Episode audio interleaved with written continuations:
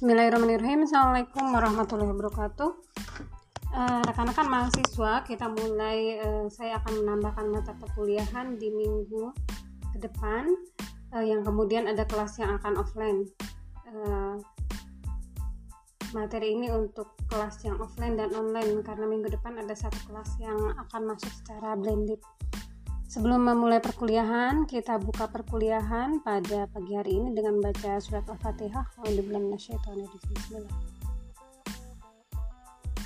Oke, eh, rekan-rekan mahasiswa saya akan memberikan eh, materi-materi, konsep-konsep atau overview yang penting berkaitan dengan uh, becoming authentic ya. Jadi uh, bagaimana perkembangan uh, psikologi humanistik ini ketika berkaitan dengan pendekatan eksistensial.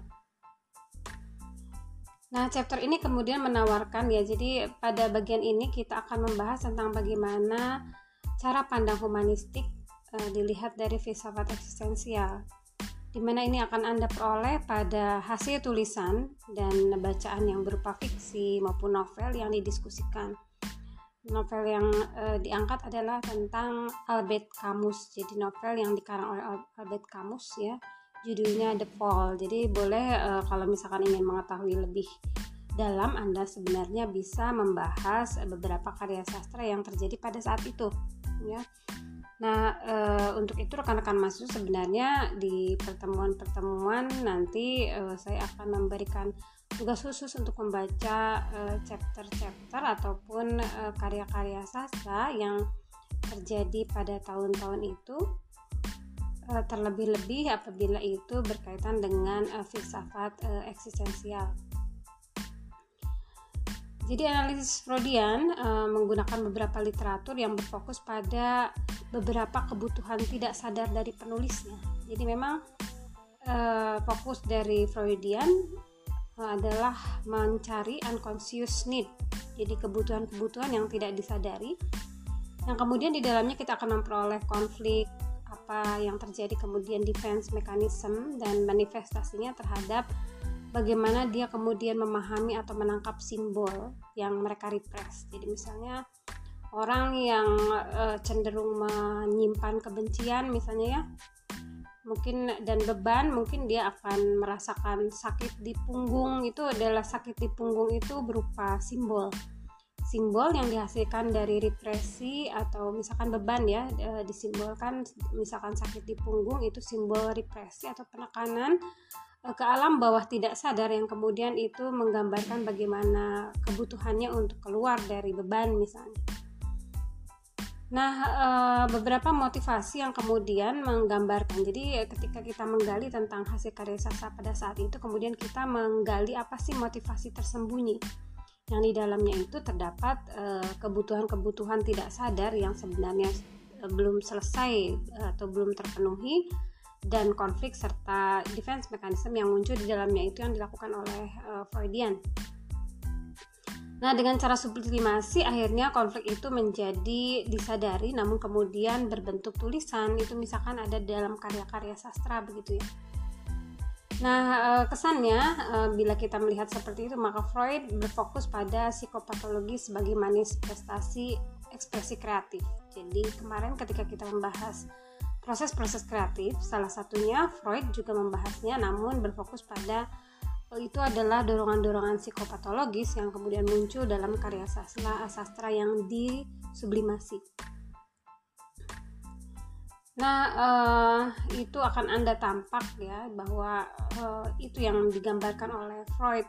Ya, jadi misalnya penulisnya itu adalah seorang introvert, kemudian dia tidak jauh-jauh menderita neurosis begitu. Jadi uh, proses kreatif juga bisa terjadi pada orang-orang yang mengalami neurosis tadi. Berupa uh, ekspresi sublimasi.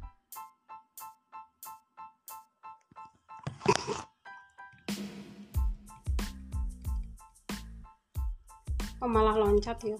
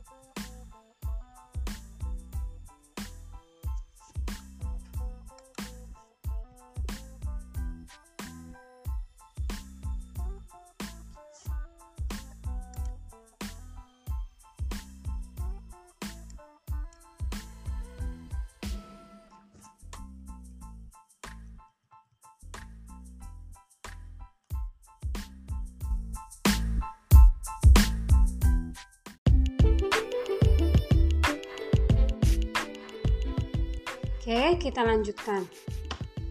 Jadi kita tidak hanya uh, tidak uh, kita uh, dapat menanyakan tidak hanya ten, uh, tentang literatur tersebut ya pada literatur tersebut kita tidak hanya menanyakan konflik, tidak hanya menanyakan defense mechanism, tetapi juga tadi growth striving vision, cara pandangnya, bagaimana dia memandang kehidupan secara baik, terus bagaimana e, kecenderungan dia untuk menampilkan keberanian dalam kehidupan dan bagaimana kemudian dia mengeksplorasi kehidupannya begitu.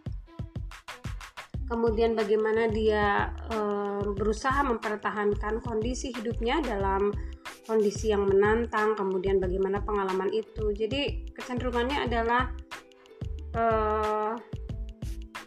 memperlihatkan bagaimana kemudian interaksi individu dengan lingkungan yang kongruen dan inkongruen tadi.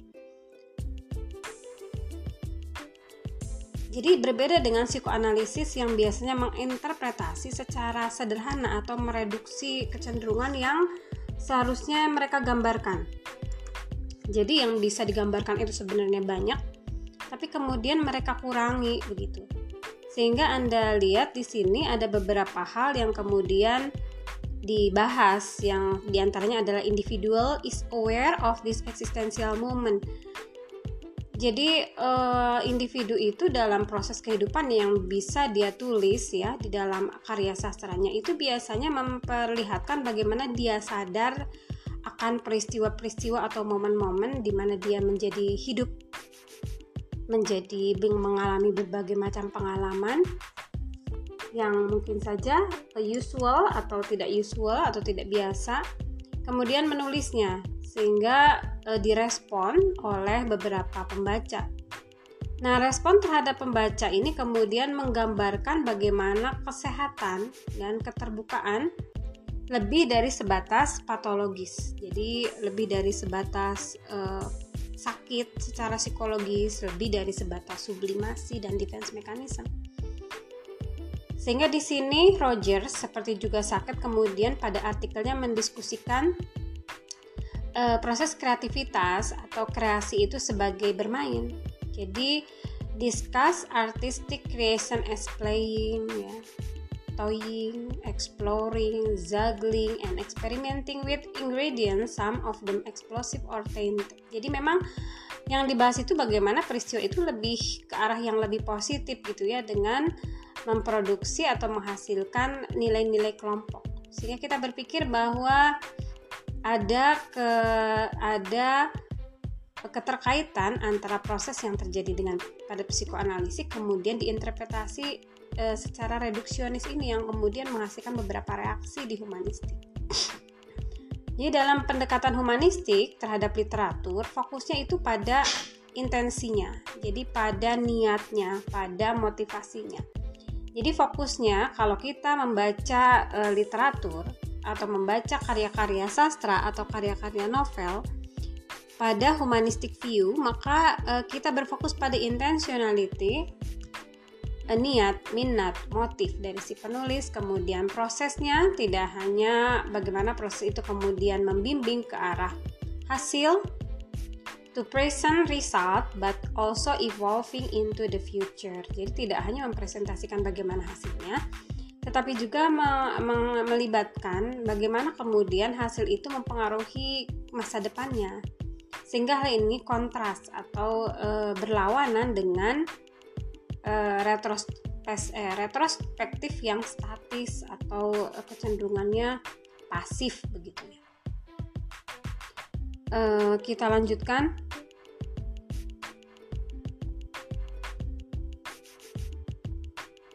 Jadi e, di sini individu akan sadar pada momen-momen eksistensial di mana dia hidup, kemudian banyak pengalaman yang dia alami, dan kemudian pembaca meresponnya.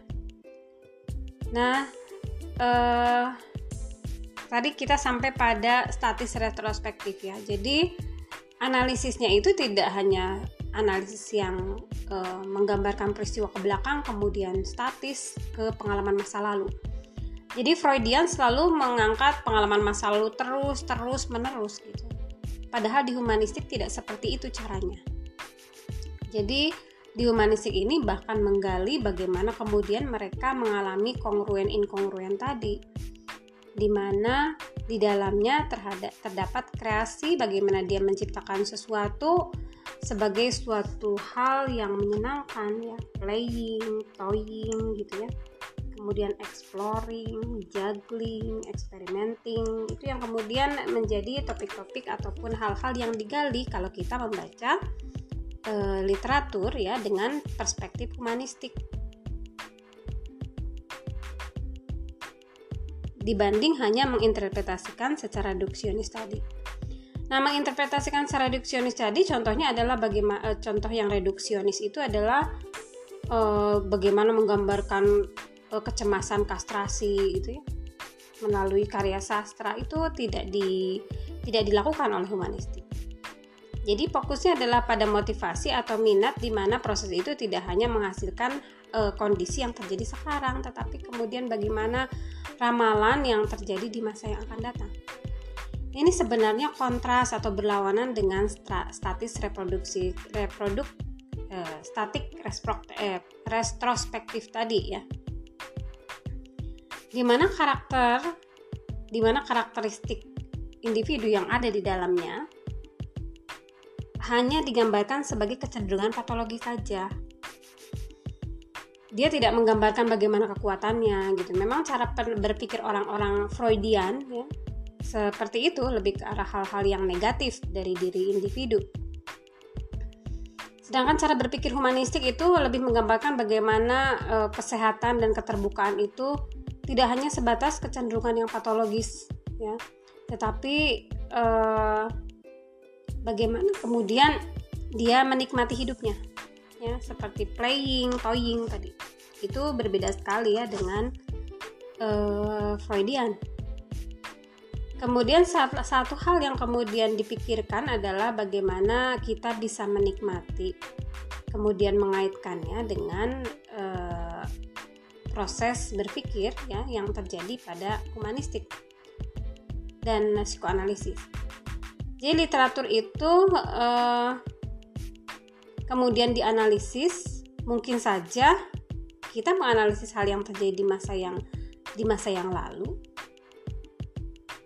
Tetapi juga di dalamnya terdapat strength. Jadi apa sih kekuatan yang dimiliki oleh si penulis? Kemudian apa aktualisasi diri yang dialami oleh penulis dan visi ke depannya yang digali oleh penulis kemudian apa dorongan-dorongan dan eh, dan apa yang di, dihadapi oleh karakter-karakter yang ada di tulisannya tersebut?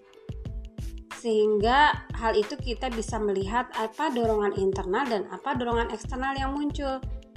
Sehingga kita bisa mengembang menggambarkan bagaimana sih sebenarnya kondisi dasar dari harapan yang dimiliki oleh individu kemudian panduan yang kita bisa temukan di ceritanya.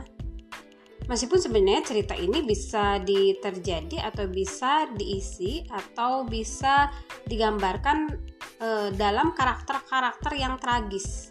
Jadi kemarin saya sudah cerita tentang saya lupa filmnya judulnya ya tapi uh, saya sudah cerita tentang bagaimana seorang ayah kemudian uh, membimbing anaknya dalam kondisi perang. Membimbing anaknya dalam kondisi perang kemudian uh, si anak ini bisa menghayati perang itu tidak seperti orang pada umumnya menghayati perang begitu. Kenapa? Karena uh, dia menggambarkannya sebagai kondisi dia saat main game. Ya. jadi hidup itu hanya permainan gitu. Sehingga dia bisa enjoying atau menikmatinya meskipun itu dalam kondisi yang tragis. Nah, uh, ia kemudian keluar ya dari ilusi-ilusi. Dengan cara itu maka individu akan keluar dari ilusi-ilusinya dari mimpi buruknya. Yang sebenarnya ilusi dan mimpi buruk itu tidak betul-betul ada jadi kita misalkan menghayati uh, suatu uh, kehilangan atau kematian begitu ya.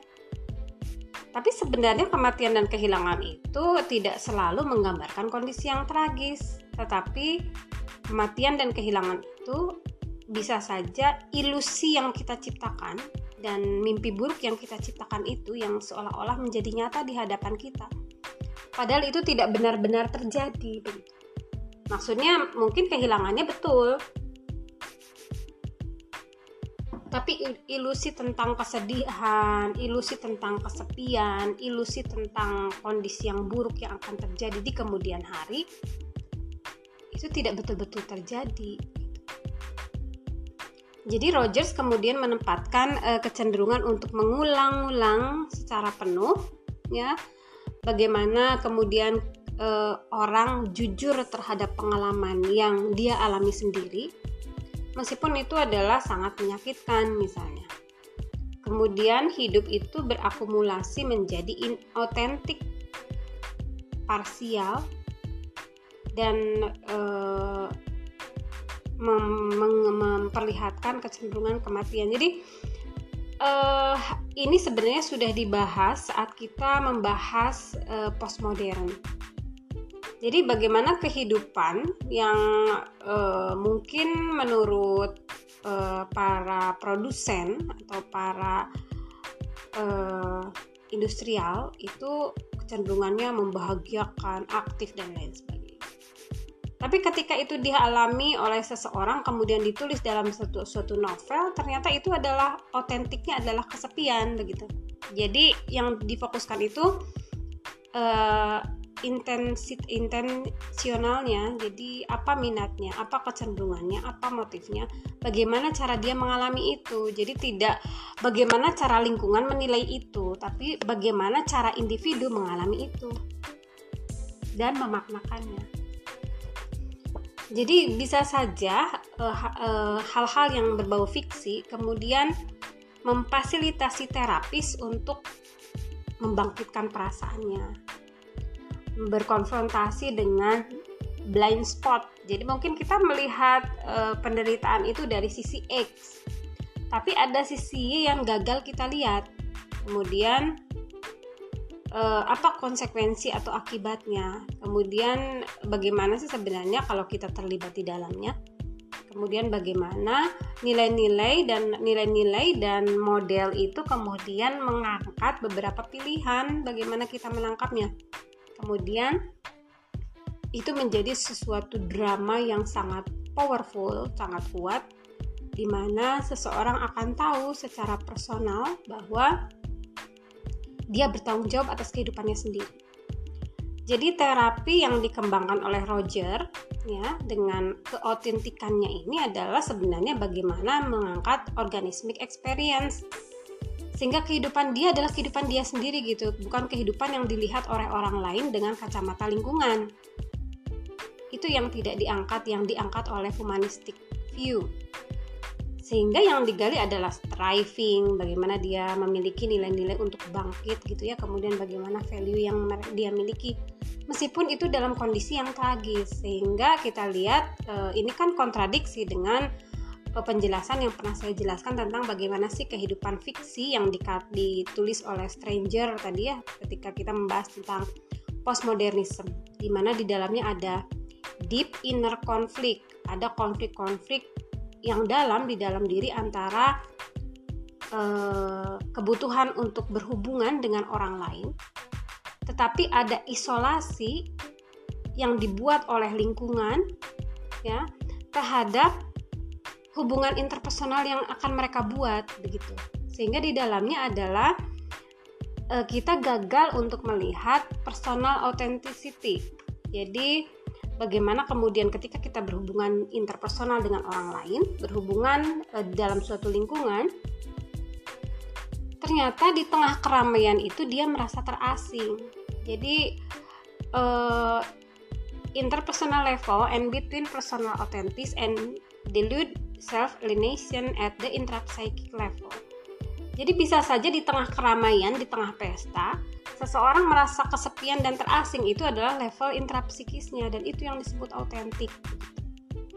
Sehingga di sini ada konflik antara penulis dengan eksistensial humanistik psikologis. Contohnya adalah eh, yang harus ditangkap adalah inner autentisitas dan keterhubungan dengan eksistensial analitik viewpoint sehingga faktanya bahwa keterpisahan dan keterhubungan dengan orang lain ya itu uh, kita harus membahasnya dengan deep satisfaction of intimacy.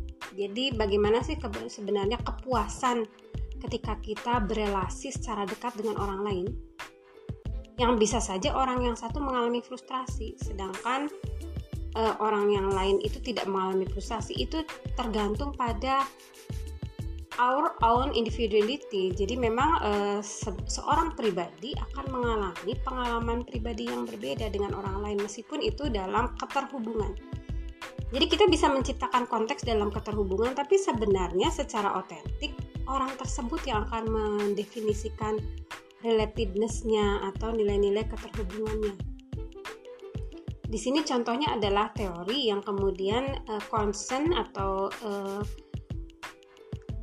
banyak mengambil perhatian terhadap upaya kita untuk mengetahui diri kita sendiri. Kemudian membentuk hubungan membentuk hubungan yang otentik ketika kita berbagi dengan orang lain. Kemudian eh, ada barrier sebenarnya eh, kecenderungan di dalam kehidupan kita sehari-hari ada jarak, ada barrier antara diri kita dengan sekeliling kita, bagaimana kita bisa sharing atau berbagi secara otentik. Nah, dalam studi yang tidak fiksi, kita dapat melakukan um, mengambil bagian untuk menolong orang lain berkonfrontasi atau menghadapi kondisi-kondisi kemanusiaannya.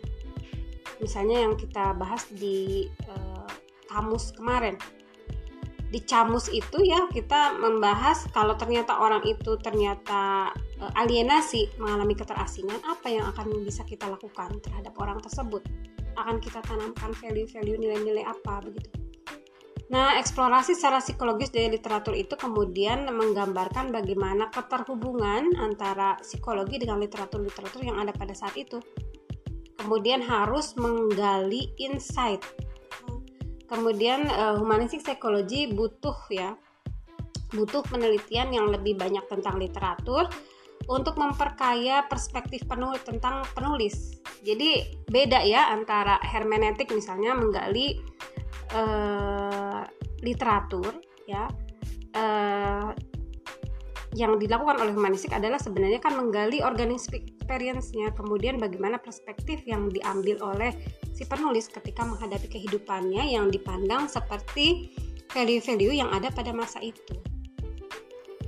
Dan mencoba untuk mengaktualisasikan potensi-potensi positif yang ada dalam individu dibanding menggambarkan kenegatifannya sehingga secara fenomenologi pengalaman itu kemudian memberi kita uh, visi bagaimana cara melihat atau cara menggali manusia yang kemudian itu bisa saja terbatas e, dibatasi ya, oleh lingkungan eksternal kita, kemudian banyak hal yang kita represi. Mungkin sebenarnya kita bisa menangkap gitu ya, bisa menangkap kebahagiaan dia. Tapi karena kita memiliki nilai-nilai bahwa kebahagiaan itu tidak boleh diekspresikan misalnya. Tidak jangan terlalu lebay lah begitu ya. Karena kita memiliki nilai-nilai itu kemudian kita gagal mengambil hal itu begitu sehingga itu bisa saja terjadi bukan orangnya yang tidak bahagia. Tetapi kitanya yang tidak punya nilai-nilai kebahagiaan. Nilai mengerti maksud saya? Sehingga di sini saya contohkan seperti itu. Jadi ketika kita membaca literatur sebenarnya kita harus menggali apakah dia punya strange atau kekuatan yang berasal dari kebahagiaan yang dia miliki misalnya. Tapi karena kita itu merasa tidak bahagia, akhirnya kita tidak suka dengan ekspresi kebahagiaan orang lain dan kita gagal menggali sebenarnya itu dia bahagia loh. Tidak semenderita yang kita bayangkan. Itu e, sering kali kita gagal menangkapnya. Jadi itu berkaitan dengan internal represi yang diceritakan oleh e, Freudian. Jadi ada sebenarnya nilai-nilai internal yang kita represi sendiri. Yang kemudian itu menyebabkan kita tidak bisa menangkap apa sih sebenarnya strength misalnya atau kekuatan yang dimiliki oleh individu tersebut misalnya. Kemudian pada eh, karya-karya sastra itu kemudian kita di, uh, diajari tentang bagaimana diri kita melihat eh, orang-orang uh, seperti tokoh-tokoh yang ada di situ.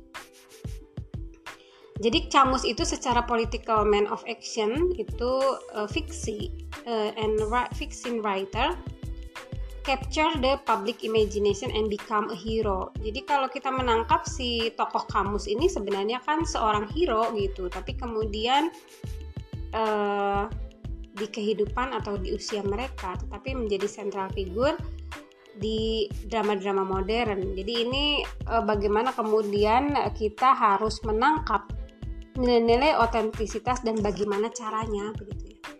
Nah, ini bisa Anda uh, latih sebenarnya ketika Anda membaca beberapa novel, beberapa uh, karya-karya sastra gitu. Jadi uh, cerita-cerita ini bisa Anda buat untuk berlatih.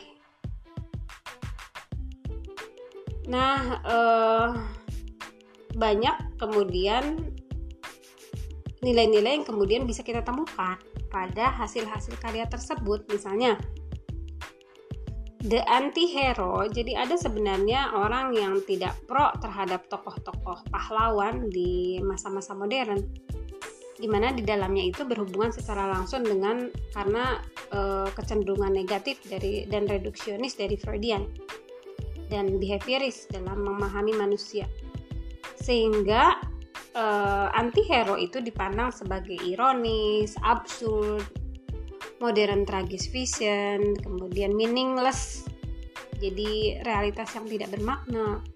Kemudian uh, tidak ada kecenderungan untuk katarsis pada beberapa ketegangan yang kemudian dialami. Jadi ini ada hero ya, ada hero, ada anti-hero di dalam sebuah cerita selalu seperti itu ya. Nah, hero dan anti-hero itu kemudian kan berinteraksi. Terjadi dua kutub yang berpolarisasi atau perbedaan antara positif misalkan yang dan negatif. Nah, tapi kemudian hubungan hero dan anti-hero ini kemudian e, cenderung untuk direduksi nilai-nilainya menjadi negatif karena cara pandang behavioristik dan psikoanalis. Misalnya e, di cerita-cerita e, budaya misalkan ya. Satu sisi kita akan melihat e, bagaimana kenegatifan gitu ya dari antihero. Tapi kita lupa untuk menggali sebenarnya ketika mereka berkonfrontasi eh, e, strange apa yang kemudian muncul begitu ya. Sehingga secara ironis e, kita hanya menggambarkannya dalam perspektif psikoanal dan behavioristik uh, kita lanjutkan.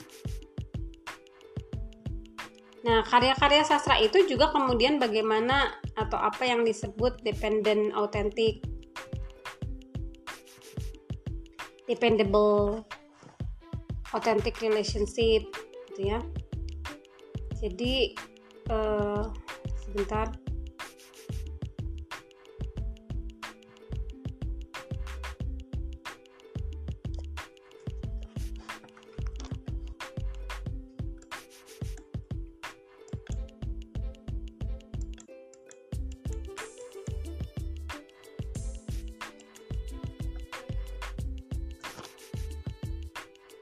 kita lanjutkan pada karya sastra yang kemarin kita uh, bahas, ya.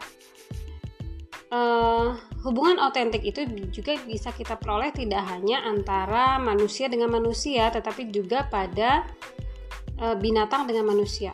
Bagaimana sebenarnya uh, manusia bisa memiliki hubungan yang ketergantungan dengan anjing misalnya. Jadi ada dependable authentic relationship ada ketika uh, anjingnya hilang terus orang menjadi frustrasi misalnya. Kemudian uh, itu berbeda dengan uh, bagaimana ketika dia menghadapi kematian ibunya dan dia merasakan kematian ibunya itu setelah dia merasakan kehilangannya dengan anjingnya misalnya jadi eh, penggambaran otentisitas ini eh, lebih banyak digambarkan pada bagaimana sih sesungguhnya yang dialami oleh individu tersebut, apa dia benar-benar eh, happiness, apa dia benar-benar eh, dengan kata lain kebahagiaan kita itu tidak ditentukan oleh persepsi lingkungan gitu dan tidak juga ditentukan oleh e, penilaian orang lain dan tidak juga ditentukan oleh e, hasil interrelasi antara individu dengan lingkungan yang selalu berada dalam keadaan kongruen dan inkongruen.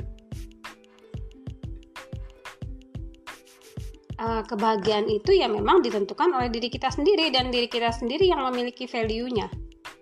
Diri kita sendiri yang memiliki value atau nilai-nilai yang memang sudah include di dalam kehidupan kita, yang itu yang sering disebut sebagai intentionality.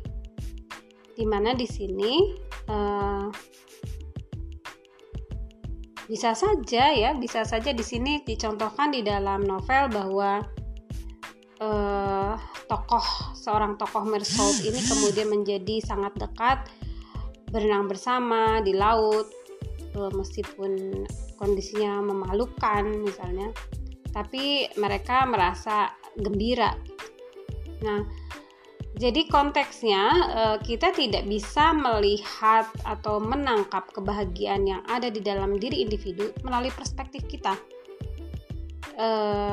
Untuk melihat kebahagiaan orang lain begitu.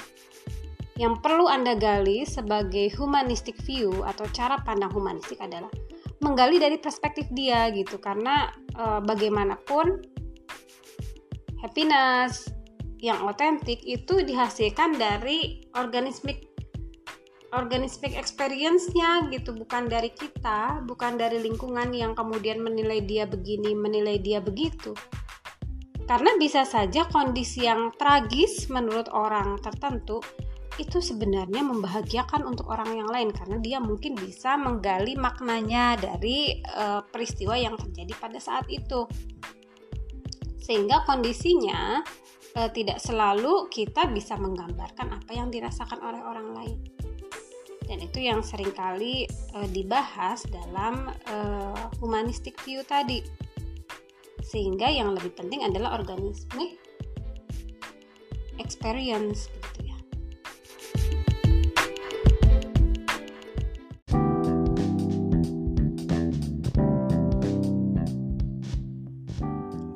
Bismillahirrahmanirrahim.